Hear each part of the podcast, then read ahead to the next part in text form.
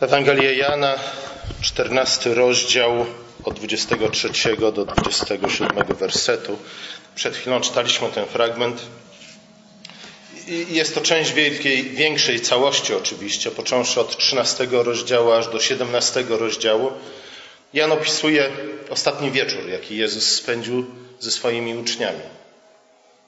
Najwyraźniej przywiązuje do tego wielką wagę ze względu na to, że poprzednie 12 rozdziałów opisują około 33 lat życia Jezusa.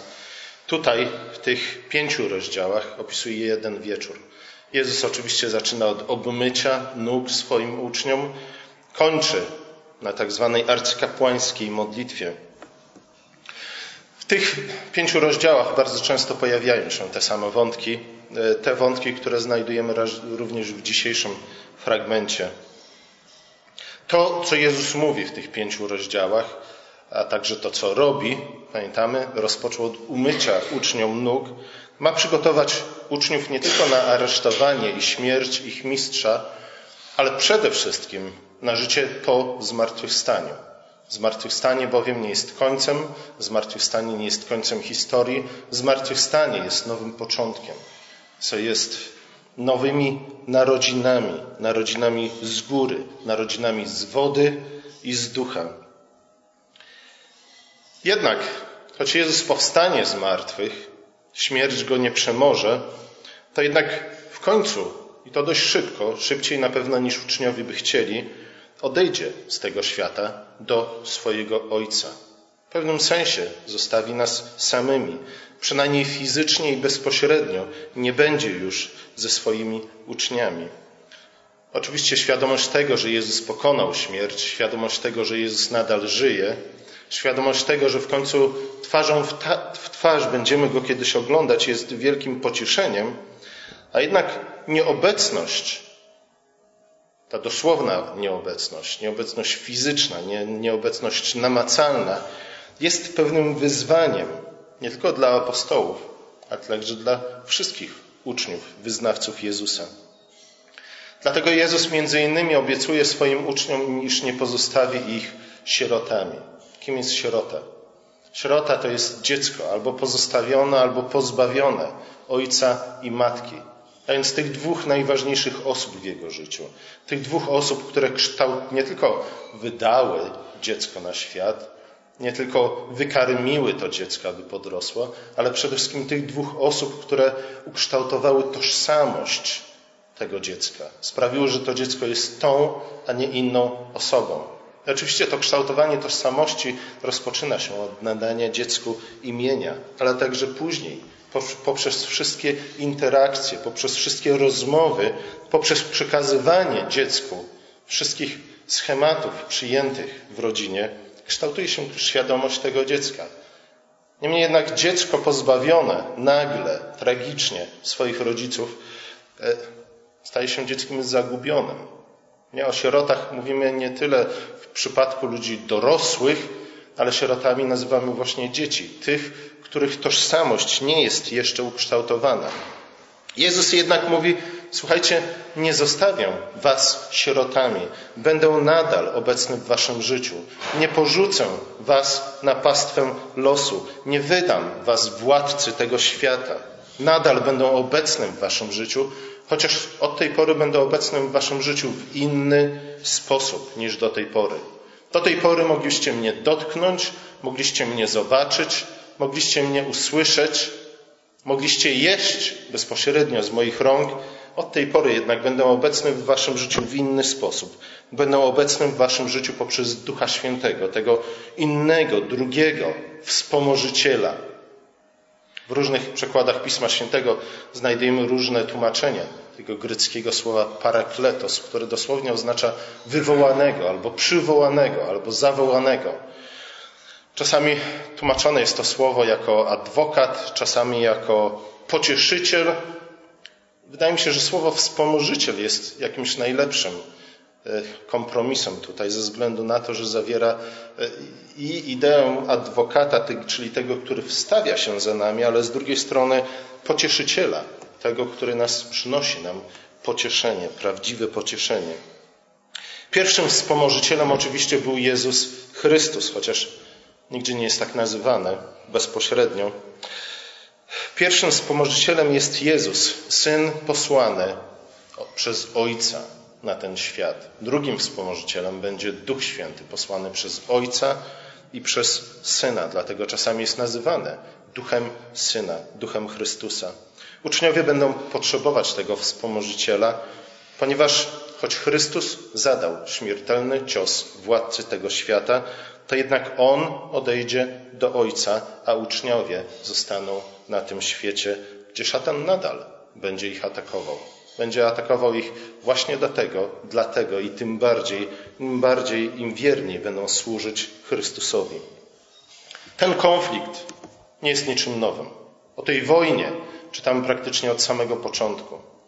Od wydarzeń w ogrodzie Eden nazywanych upadkiem człowieka. E, wątek wojny, konfliktu między tymi, którzy wyznają Chrystusa, którzy przyjęli Chrystusa, a tymi, którzy odrzucili objawienie Ojca w Synu, pojawia się w Ewangelii Jana od samego początku. Już prolog Ewangelii Jana wspomina o tym. Światło, które stworzyło świat, czy też słowo, które stworzyło świat, przyszło na świat, ale świat nie tylko, że go nie poznał, a też go nie przyjął, odrzucił, Gdybyśmy chcieli wszystko dokładnie wyjaśnić w tym fragmencie, nie starczyłoby nam dzisiaj czasu, więc będę polegał na Waszej znajomości Pisma Świętego i także na Waszym zrozumieniu tego, w jaki sposób Jan Ewangelista używa określenia świat. Dlatego, że czytając Ewangelię Jana po raz pierwszy możemy być nieco zagubieni, ze względu na to, że Jan zdaje się przeczyć sam, so, sam sobie w sposobie, w jaki używa tego określenia świat. Z jednej strony czytamy o tym, iż to właśnie dlatego ojciec posłał syna, ponieważ umiłował świat, świat go jednak nie przyjął i nie poznał. Bóg kocha świat, który stworzył, ale z drugiej strony świat jest wrogi Bogu i dlatego też Bóg walczy z tym światem. Ta odrzucona miłość i konflikt stają się bardziej zrozumiałe, jeśli właśnie pamiętamy o tym, co wydarzyło się w ogrodzie Eden kiedy Adam zbuntował się przeciwko Stwórcy i wypowiedział mu swoją lojalność.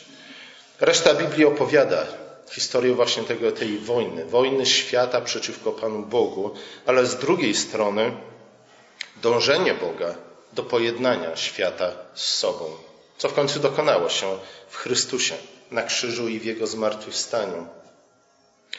Bóg jedna świat z sobą i jest wiele sposobów, na jakie moglibyśmy krótko opisać historię opowiadaną przez Pismo Święte, ale jednym ze sposobów jest właśnie e, historia wojny, tego zmagania. Bóg przede wszystkim występuje przeciwko władcy tego świata, przeciwko szatanowi, po to, aby go zniszczyć, zniszczyć jego dzieła i odbudować świat. W końcu Bóg Syn przychodzi na ten świat, staje się człowiekiem. Światłość prawdziwa oświeca każdego człowieka, ale wielu ludzi woli pozostać w ciemności, dlatego że ich uczynki są złe. To tyle na temat tego, że ludzie sami garną się do Boga. Sami z siebie nie garniemy się do Boga. To Bóg przyciąga nas więzami swojej miłości. Przyciąga czasami nas wtedy, kiedy my wciąż wierzgamy przeciwko Niemu. Przyciąga nas tak, jak przyciągnął apostoła Pawła na drodze do Damaszku. Z tego powodu, iż wiele osób nie przyjęło światłości, która przyszła na świat, wojna i konflikt wciąż trwa. Świat z kolei jest miejscem niebezpiecznym dla tych, którzy przyjęli światłość z nieba. Nowy Testament ma bardzo wiele do powiedzenia na ten temat, ale także Stary Testament bardzo często opowiada o tym, w jaki sposób ci, którzy wyznają Boga w duchu i w prawdzie, są prześladowani właśnie ze względu na to wyznanie i na to naśladowanie, na posłuszeństwo, na posłuszeństwo Bogu. I oczywiście są atakowani nie tylko przez złych ludzi, przez tych, którzy bardziej umiłowali ciemność niż światłość, ale przede wszystkim są atakowani przez władcę tego świata. Jak bardzo dobrze przypomina nam o tym historia Hioba.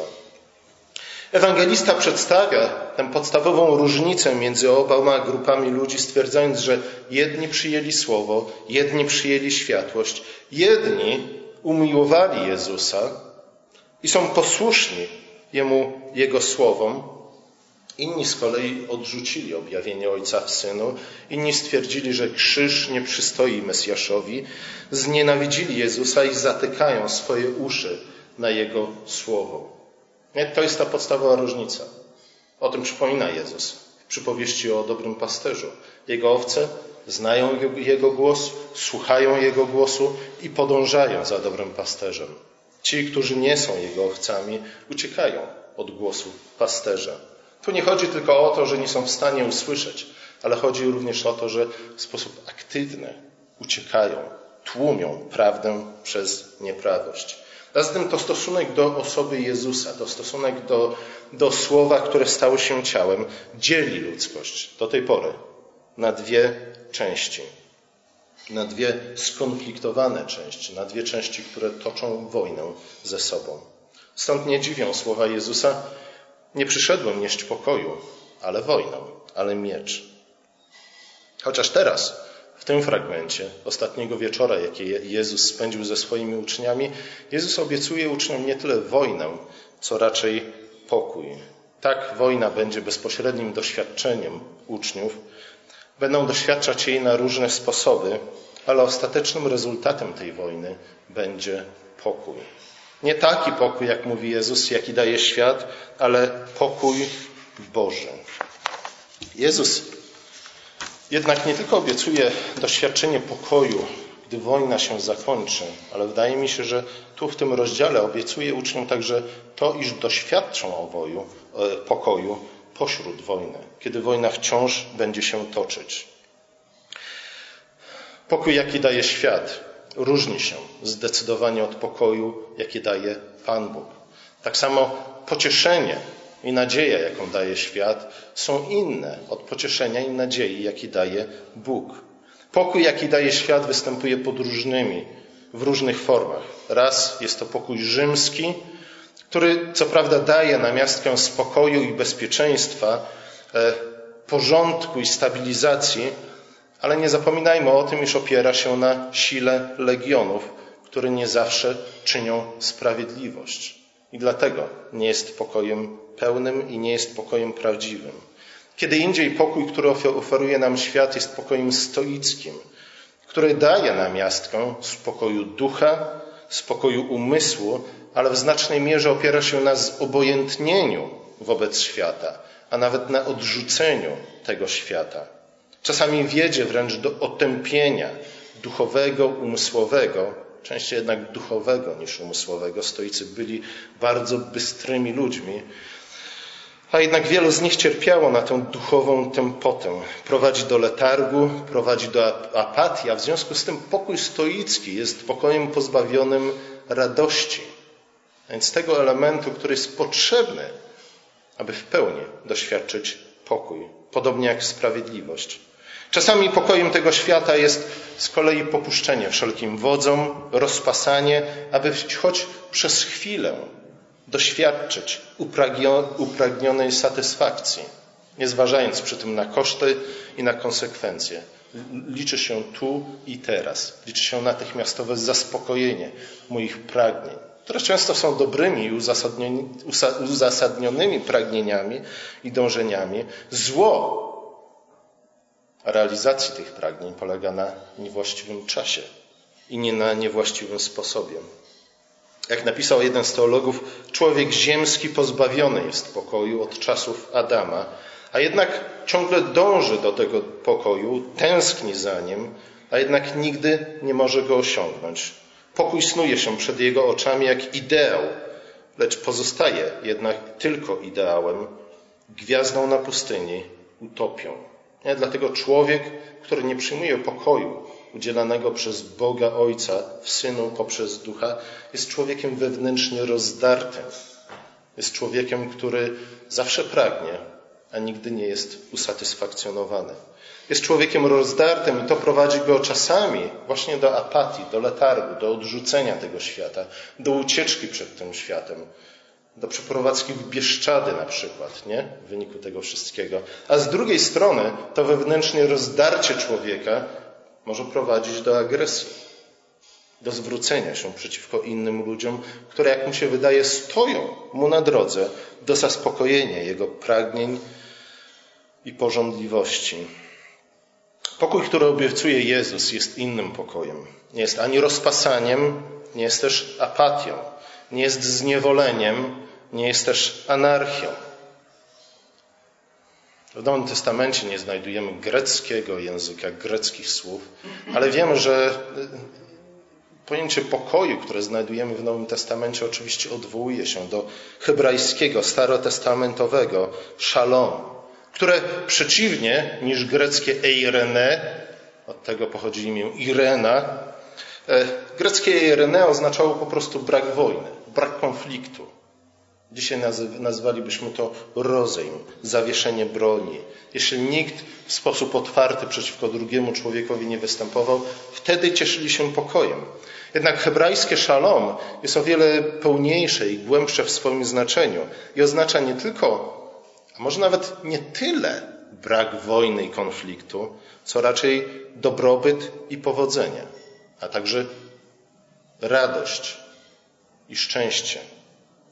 Pokój Boży jest więc przede wszystkim pełnią życia, którą możemy się cieszyć nie tylko po zakończeniu wojny, ale pośród wojny, pomimo wojny, ze względu na to, jakiego rezultatu oczekujemy w wyniku tego konfliktu. Pokój Boży jest przede wszystkim pełnią życia. Nie wiem, czy zwróciliście uwagę na to, w jaki sposób nasze nabożeństwo, nasza liturgia dokładnie to komunikuje. E, przychodzimy tu na to miejsce wezwani do Pana Boga, nie dlatego, że ktokolwiek z nas sam z siebie zapragnął, ale zostaliśmy albo przyniesieni tu, przyciągnięci przez naszych rodziców, choć wolelibyśmy oglądać teleranek, albo w jakikolwiek inny sposób Bóg nas przyciągnął na to miejsce. On jedna nas sobą, udzielając nam absolucji on w związku z tym udziela nam pierwszego daru, a więc daru chwały. Po drugie, On poucza nas poprzez swoje słowo. W znacznej mierze nabożeństwo polega na niczym innym, jako, jak na przypominaniu tego, co Chrystus powiedział. W ten sposób Bóg udziela nam drugiego daru, jakim jest mądrość. I w końcu przychodzimy do stołu pańskiego, zasiadamy przy jednym stole. Chrystus nas karmi swoim ciałem, swoją krwią.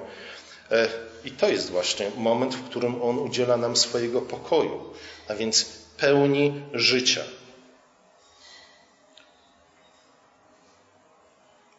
Pełnią życia jest bowiem włączenie w życie Trójcy, w życie Boga Ojca, Syna i Ducha Świętego. Za tydzień więcej będę o tym mówił, ale mam nadzieję, że zwróciliście, jak nawet w dzisiejszym fragmencie, Jezus właśnie o tym mówił o tym wzajemnym zamieszkiwaniu Ojca u Syna, Syna u Ojca i naszemu zamieszkiwaniu w Synu, w Ojcu i w Duchu, z Synem, z Ojcem i z Duchem. Na tym to polega. Tej, na włączeniu do tej doskonałej wspólnoty miłości. Pokój zatem, obok radości i sprawiedliwości, jest tym, co charakteryzuje, co cechuje Królestwo Boże, jak mówi apostoł Paweł. I w rzeczy samej jak już wcześniej stwierdził prorok Izajasz, pokój jest owocem sprawiedliwości i prowadzi nas ku radości. Wszystkie te trzy z kolei są darem Ducha Świętego, są skutkiem wylania Ducha Świętego i o tym też mówi Izajasz w 32 rozdziale. Choć trzeba przyznać, że wszystkie te trzy rzeczy, czy też wszystkie te trzy, niech będą rzeczy, pokój, radość, sprawiedliwość, wciąż są dla nas nieco abstrakcyjnymi pojęciami. Są, pozostają nieuchwytne dla nas, dlatego że wciąż nie doświadczyliśmy ani pełni pokoju, ani pełni sprawiedliwości, ani pełni radości. Wciąż raczej marzymy o nich, wciąż raczej dążymy do nich, niż doświadczamy ich. A jeśli doświadczamy pokoju, radości i sprawiedliwości, to tylko w krótkich przebłyskach. Konflikt i wojna, strata, niedosyt są tym, co znamy o wiele lepiej z naszego doświadczenia. To zwykle nam, doświad... to zwykle nam towarzyszy. Pokój, radość, sprawiedliwość jest czymś, czego doświadczamy krótko i tylko przez chwilę, od czasu do czasu. Nasze, dlatego nie wiem czy zwróciliście uwagę na to, iż zło, złe postacie o wiele łatwiej jest opisać, o wiele łatwiej jest zobrazować. Gdy oglądamy filmy, gdy czytamy książki, gdy oglądamy obrazy, złe postacie są o wiele bardziej plastyczne, są o wiele bardziej rzeczywiste. Dobre postacie są często jakieś miałkie, niedorobione. Nie za bardzo wiemy, w jaki sposób mamy je przedstawić. I często zamiast dobra e, ukazujemy jakieś sentymentalne obrazki, albo kiczowate obrazki, albo coś w tym stylu. Zło nie, dobro nie jest zbytnio pociągające ani w literaturze, ani w filmie, ani w muzyce, ani w innych rodzajach sztuki. Dlaczego tak jest? Właśnie dlatego, iż dobro znamy bardziej z opowiadania, czy też bardziej z naszych pragnień i dążeń, znamy z obietnic, które jeszcze nie w pełni się zrealizowały, podczas gdy zła, zła, zła doświadczamy każdego dnia i złych ludzi spotykamy każdego dnia, zaczynając od porannej toalety, kiedy spoglądamy w lusterko. To nie znaczy jednak, że nie możemy nic powiedzieć o pokoju Bożym, o radości Bożej, o sprawiedliwości Bożej. Nasze zrozumienie pokoju Bożego możemy i powinniśmy oprzeć przede wszystkim właśnie na obietnicach zawartych przez Boga w Biblii, które z jednej strony odnoszą się do tego, co znamy, odwołują się do obrazów, które znamy z naszego doświadczenia, ale z drugiej strony oczyszczają te doświadczenia z tych wszystkich elementów, które są złe, które są negatywne i na dodatek jeszcze wzmacniają te wszystkie doświadczenia, po to, aby dać nam pewne zrozumienie, pewne wyobrażenie tego, czego tak naprawdę oczekujemy, do czego dążymy, ku czemu powinniśmy kierować nasze pragnienia i nasze wzdychania. Innymi słowy, kiedy myślimy o pokoju Bożym, ale także kiedy myślimy w ogóle o Królestwie Bożym, które jest nie tylko pokojem, ale i radością i sprawiedliwością, warto przywoływać te obrazy, które znajdujemy w Piśmie Świętym. Na przykład ogród Eden przed upadkiem Adana. Nie? Raj jest często tym miejscem, do którego dążymy, e, za którym pragniemy, ale z drugiej strony jest tym miejscem, które często, gdy próbujemy je opisać, e, staje się właśnie podobne do obrazków jakie znajdujemy w pisemkach organizacji spod mostu bruklińskiego. Niemniej jednak Pismo Święte właśnie do tego się odwołuje i często, jak mówiliśmy rok temu, w oparciu o proroka Izajasza, mówiąc o pełni królestwa, odwołuje się do obrazów, jakie znajdujemy w opisie nie tylko stworzenia świata, ale przede wszystkim ogrodu edeńskiego. Warto odwoływać się do takich obrazów, jak Nowa Jerozolima, ukazana w ostatnich rozdziałach Apokalipsy. Takie obrazy jak odbudowane domy, zasadzone winnice, jak dobrze dojrzałe wino, jak tłuste sadło, takie obrazy jak deszcz padający we właściwym czasie i przynoszący obfite zbiory, takie obrazy jak długie i dostatnie życie spędzone w otoczeniu rodziny i przyjaciół, życie, które pozwala nam umrzeć w pokoju, takie obrazy jak bracia mieszkający razem w zgodzie. Nie? Do tego wszystkiego powinniśmy się odwoływać. Jeśli chcemy we właściwy sposób kształtować nasze nadzieje, nasze pragnienia, nasze oczekiwania, ale także nasze zrozumienie tego, czym jest Królestwo Boże, czym jest pokój, radość i sprawiedliwość. Pokój Boży oczywiście wypływa przede wszystkim z ofiary Chrystusa, z Jego śmierci i zmartwychwstania, dzięki którym zostaliśmy pojednani z Bogiem. Dlatego mówiąc o pokoju Bożym, czy też mówiąc o skutkach dzieła Chrystusa, apostołowie zadają pytania, które muszą pozostać pytaniami retorycznymi, a nie znaką naszego wątpienia, czy też kwestionowania obietnic Bożych. Jeśli Bóg z nami, to któż przeciwko nam?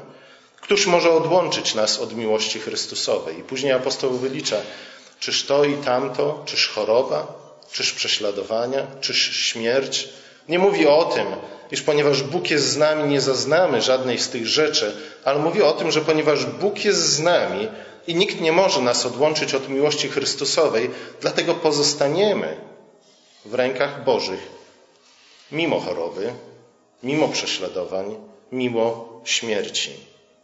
W jaki sposób Duch, Duch nam to wszystko komunikuje. W jaki sposób udziela nam tego pokoju Bożego. W jaki sposób Duch jest naszym wspomożycielem. Tu chyba dochodzę do najbardziej kontrowersyjnej części mojego kazania. Nie, żebym chciał być kontrowersyjny. Osobiście chciałbym, żebyście wszyscy mnie kochali, lubili i uwielbiali, ale czasami nie da rady inaczej. Duch przede wszystkim, jak mówi Jezus, przypomina nam słowa Jezusa. I to nie tylko ten fragment zwraca uwagę na to, że to jest, kto wie czy nie główną rolą Ducha Świętego, a na pewno jedną z najważniejszych jego funkcji. Także dalej, w 15, 16, 17 rozdziale właśnie o tym Jezus mówi. Duch, ten nowy wspomożyciel przyjdzie po to, aby przypomnieć nam słowa Jezusa, abyśmy w nich trwali i abyśmy je zachowywali. Abyśmy byli nie tylko słuchaczami, ale też wykonawcami woli Bożej. Abyśmy w ten sposób byli ludźmi zakotwiczonymi w objawieniu Ojca w Synu. Abyśmy stali się ludźmi jednej mowy i jednej języka, dla których nic nie będzie niemożliwe. Abyśmy zjednoczyli się wokół wspólnego celu, abyśmy byli pobudzani poprzez jedną nadzieję, abyśmy razem, wspólnie pielgrzymowali do pełni królestwa, abyśmy żyli w harmonii z Bogiem i z bliźnimi, i abyśmy właśnie przez to stali się zdolnymi do przekształcania świata z chwały w chwałę, do sadzenia i budowania, do rozświetlania ciemności, do życia na przekór śmierci. Na tym pamiętaniu słów Chrystusa, na posłuszeństwie Jego przykazaniom opiera się miłość ku Bogu i miłość między braćmi. I znów, nie tylko ten czternasty rozdział mówi o tym.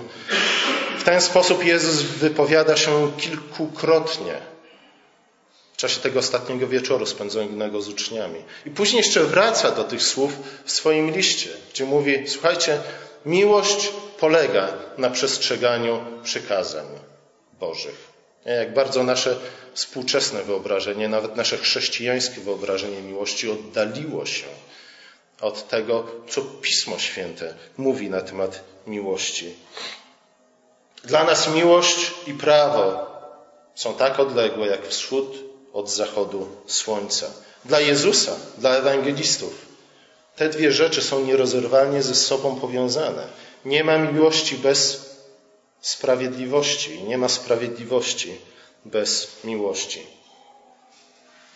Jeśli zachowamy słowa Chrystusa, jeśli będziemy żyć w zgodzie z przykazaniami Chrystusa, wtedy okażemy miłość Ojcu, ale też miłość sobie nawzajem.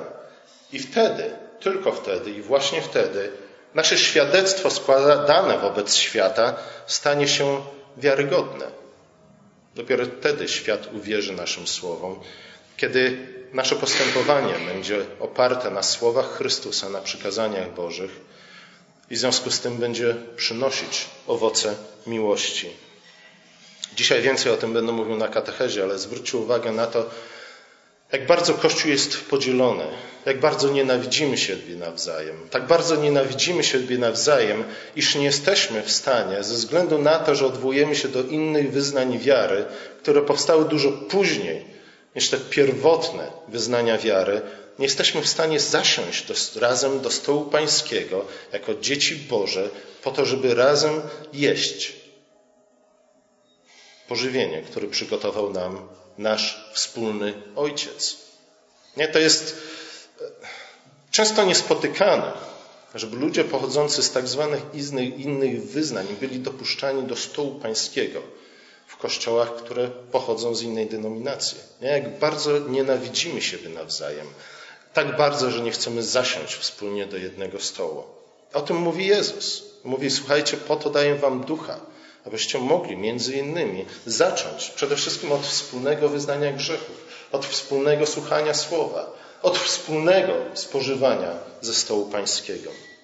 To powiązanie pokoju Bożego z posługą ducha, która polega przede wszystkim na przypominaniu słów Jezusa, myślę, że warte jest podkreślenia. Dzisiaj często słyszymy, że duch wieje, kiedy chce. Co w praktyce oznacza, iż w zasadzie nie wiemy, czego mamy oczekiwać od Ducha Świętego. A jeśli już wiemy, czego mamy oczekiwać od Ducha Świętego, to na pewno jakiś wciąż nowych przejawów Jego działania. Tak jakby rola Ducha Świętego, jakby Jego zadanie polegało przede wszystkim na dostarczaniu nam coraz to nowych i zaskakujących nas, może nie tyle rozrywek, ale tego, co nazywamy doświadczeniami duchowymi. Jezus stwierdza jednak, iż podstawową funkcją ducha jest przypominanie Jego słów, po to, abyśmy miłowali się wzajemnie ponieważ miłość polega na przestrzeganiu Jego przykazań. Innymi słowy, Duch ma za zadanie uzdolnić nas do przyjęcia w końcu postawy opisanej poprzez przykazania Boże. Dlatego Królestwo Boże, jak mówiłem, możemy nazwać Królestwem Ducha, które cechuje się w pierwszej kolejności sprawiedliwością, sprawiedliwością przynoszącą pokój. Pokój, który prowadzi nas ku pełni radości. To znaczy, że nie, może, nie możemy cieszyć się tą Bożą radością, ani też pokojem, ani sprawiedliwością, e, jeśli nie zachowujemy przykazań Bożych. To oznacza również to, iż nie jesteśmy ludźmi czyniącymi pokój, dopóki nie wsłuchamy się w głos Chrystusa. Nie nauczymy się Jego przykazań. Nie dowiemy się w końcu od tego, który stworzył ten świat, czym jest prawo i sprawiedliwość. To dlatego jednym z darów z ducha są nauczyciele, jak przypomina apostoł w liście do Efezjan. Nauczyciele, którzy przypominają i wykładają nam Ewangelię. Nie znajduję, przynajmniej w mojej Biblii, na listach darów ducha magików, którzy serwują nam coraz to nowe doświadczenia duchowe. Jeśli zatem chcemy otworzyć się na działanie ducha, jeśli rzeczywiście pragniemy prawdziwego pokoju, dążymy do sprawiedliwości, chcemy zaznać pełni radości, musimy przede wszystkim otworzyć nasze uszy na Słowo Boże, czyli Pismo Święte. Musimy w pierwszej kolejności stać się Jego pilnymi słuchaczami, a w drugiej mierze, w drugiej kolejności pilnymi wykonawcami. To z kolei jest możliwe tylko i wyłącznie we wspólnocie ciała Chrystusowego, które zrodziło się z wody i z ducha, czego pamiątkę dzisiaj obchodzimy. Amen.